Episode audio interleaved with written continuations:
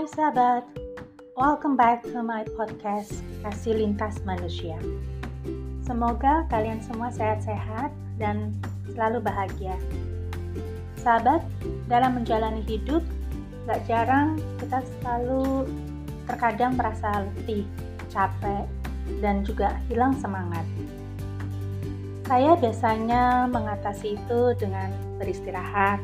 Saya rasa itu cara ampuh untuk meningkatkan semangat.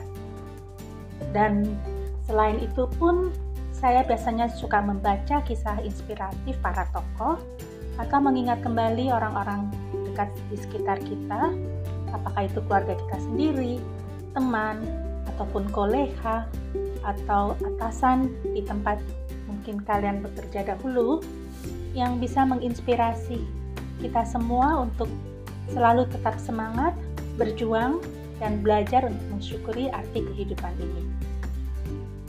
Melalui kisah tersebut, bisa kita mengambil banyak pelajaran dan pengalaman perjalanan hidup dari mereka dalam meniti karir, menghadapi berbagai macam masalah, hingga bagaimana mereka bangkit dari keterpurukan.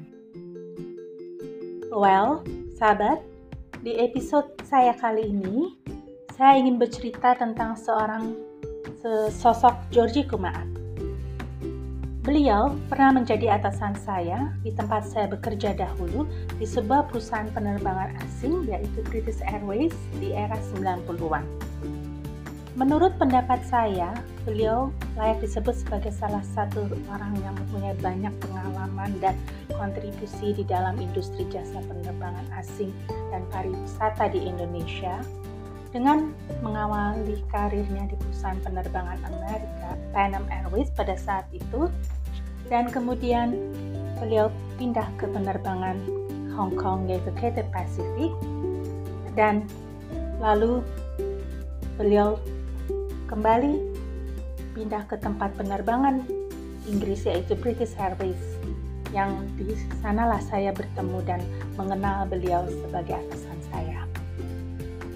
Yang kemudian hari sempat dipercaya juga Bapak Georgie Kumat sebagai kepala perwakilan dari Speedwing yaitu anak perusahaan British Airways di Indonesia yang menangani dukungan teknologi informasi bagi perusahaan-perusahaan penerbangan.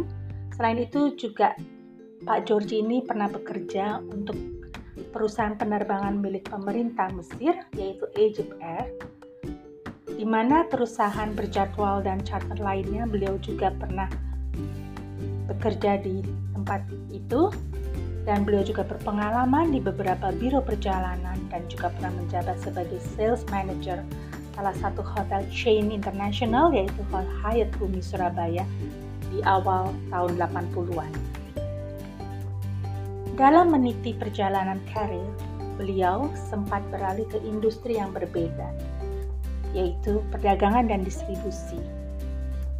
Dengan bergabungnya Pak Georgi di salah satu anak perusahaan Mentras Group, yaitu PT Borsume Wehu Indonesia, sebagai perusahaan patungan antara Indonesia dan Belanda, yang memasarkan berbagai macam produk makanan dalam kalian seperti Pronas, produk susu Frisian Plah, susu bendera, kemudian produk minuman seperti Angker Bir, Pepsi Cola, eh, Canada Dry yang di mana pada saat masa-masa itu tuh produk itu sangat terkenal dan berbagai macam eh, barang konsumer produk lainnya melalui 28 cabang dan beberapa depo di seluruh Indonesia.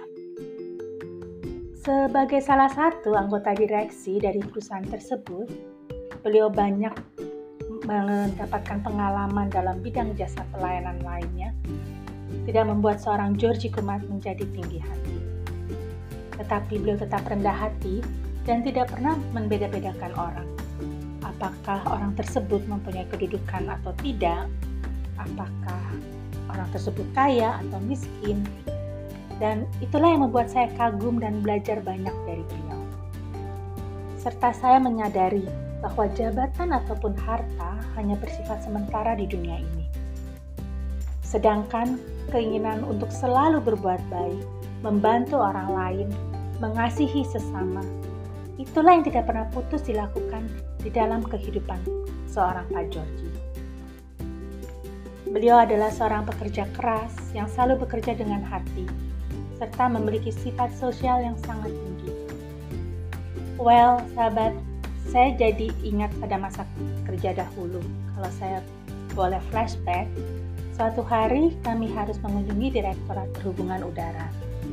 Dan ada hal yang membuat saya sangat tercengang setelah kami turun dari mobil, seorang petugas parkir menghampiri kami dan segera menyapa Pak Georgi dengan ramah dan beliau menyapanya dengan menyebut nama Pak, Pak Georgi. Dan begitu kami melewati security check, petugas security pun juga melakukan hal yang sama, segera menghampiri beliau dan menyapa dengan ramah. Pak Georgi pun membalas dengan sangat ramah dan terlihat sekali kakak peran mereka itu memperlihatkan bagaimana mereka sangat dekat.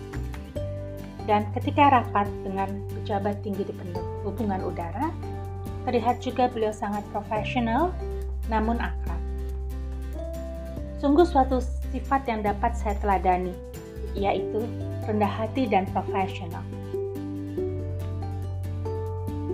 Satu hal lagi yang saya pelajari dari Pak Georgi, beliau selalu menyikapi segala hal dengan sikap tenang, fokus, dan dengan cepat mengambil tindak-tindakan yang diperlukan. Yang saya ingat apabila pesawat kami tidak dapat melayani penerbangan karena satu dan lain hal, betapa chaosnya kejadian saat itu, sehingga kami harus memindahkan mentransfer ratusan penumpang kami ke penerbangan lain, dan khususnya jika ini terjadi di saat musim liburan yang padat, tapi dengan hubungan baik net serta networking yang dibina beliau dengan penerbangan-penerbangan lainnya, kami berhasil memindahkan penumpang-penumpang tersebut ke penerbangan-penerbangan lain. Satu hal lagi yang saya pelajari adalah membangun networking itu sangat perlu dan dengan siapa pun kita harus menjalin hubungan yang baik. Di tengah kesibukan Pak Georgi dalam pekerjaannya, beliau pun tidak lupa untuk menjalani ibadahnya, serta turut ambil bagian di dalam pelayanan. Dan kembali saya mendapatkan pelajaran bahwa bekerja keras itu harus, tapi jangan sampai kita lupa akan ibadah dan melayani. Jadi, bekerja harus serius dan sungguh-sungguh agar makna ibadah dapat teraktualisasikan secara nyata sebagai bentuk setia kita melayani Tuhan. Percakapan saya beberapa lalu dengan beliau, Pak Georgi, seorang ayah dari dua putra dan putri yang telah berkeluarga, seorang suami dari istri yang masih aktif bekerja serta melayani, juga seorang kakek dari dua orang cucu. Pada saat itu, beliau mengatakan bahwa di usianya yang menjelang 67 tahun, kunci agar bisa tetap sehat, bahagia, produktif, dan aktif adalah Beliau selalu mengucap syukur atas kehidupan yang Tuhan anugerahkan ini dan juga mengucap syukur dalam segala hal. Karena seberat apa pun masalah serta pergumulan yang Tuhan izinkan terjadi, percayalah, pasti selalu ada hal yang patut disyukuri. Dan di saat itu, kami mengakhiri percakapan singkat kami dan satu hal yang masih saya ingat dan saya tanam di dalam hati, beliau berkata, bahwa segala sesuatu terjadi untuk mendatangkan kebaikan, karena Allah turut bekerja di dalam kita. Oke, sahabat, tetap semangat di tengah pandemi ini, selalu berpikir positif, dan ingat, hati yang gembira adalah obat untuk menaikkan imun kita. Stay safe and healthy, everyone. God bless you all.